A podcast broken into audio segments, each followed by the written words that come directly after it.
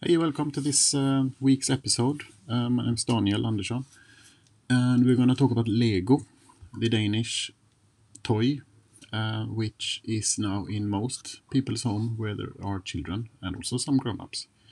Lego is Danish, uh, was founded in the 1890 or something like that by Danish person called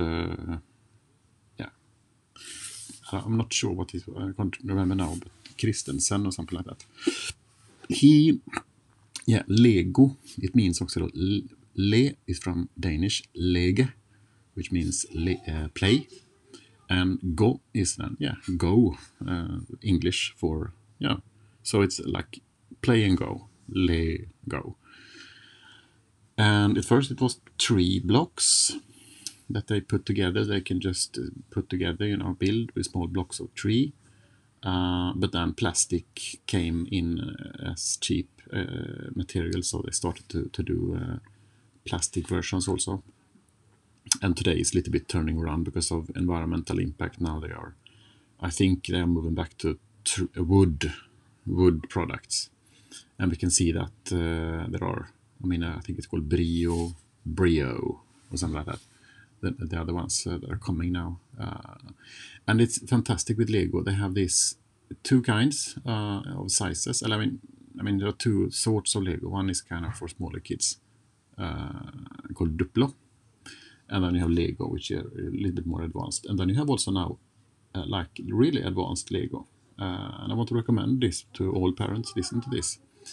It's called Mechanic, Lego Mechanic, and you can build it's a little bit more advanced with cog wheels, and you can you can build like uh, yeah uh, cars and and everything. You can airplanes, airplanes, yeah, airplanes, uh, tractor, those kind of things you can build. And then for girls, they have everything, uh, the same thing. I mean, I, I buy same things for uh, for my daughter as for my son. I don't make any difference there. Uh, and uh, why should there be a difference?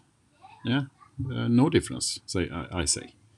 I let them choose. I put put on the table and they can take what they want. And sometimes they build. Now I look at the table. My son has made some sort of eye glow or sea ice living I mean, like in a zoo where you have sorry, was something happened? No, the zoo with penguins. Uh, there is also a rabbit for, for, some, for some reason. Uh, but anyway, mm, and then you have my daughter. Then have done bird, red bird with yellow feathers, really nice.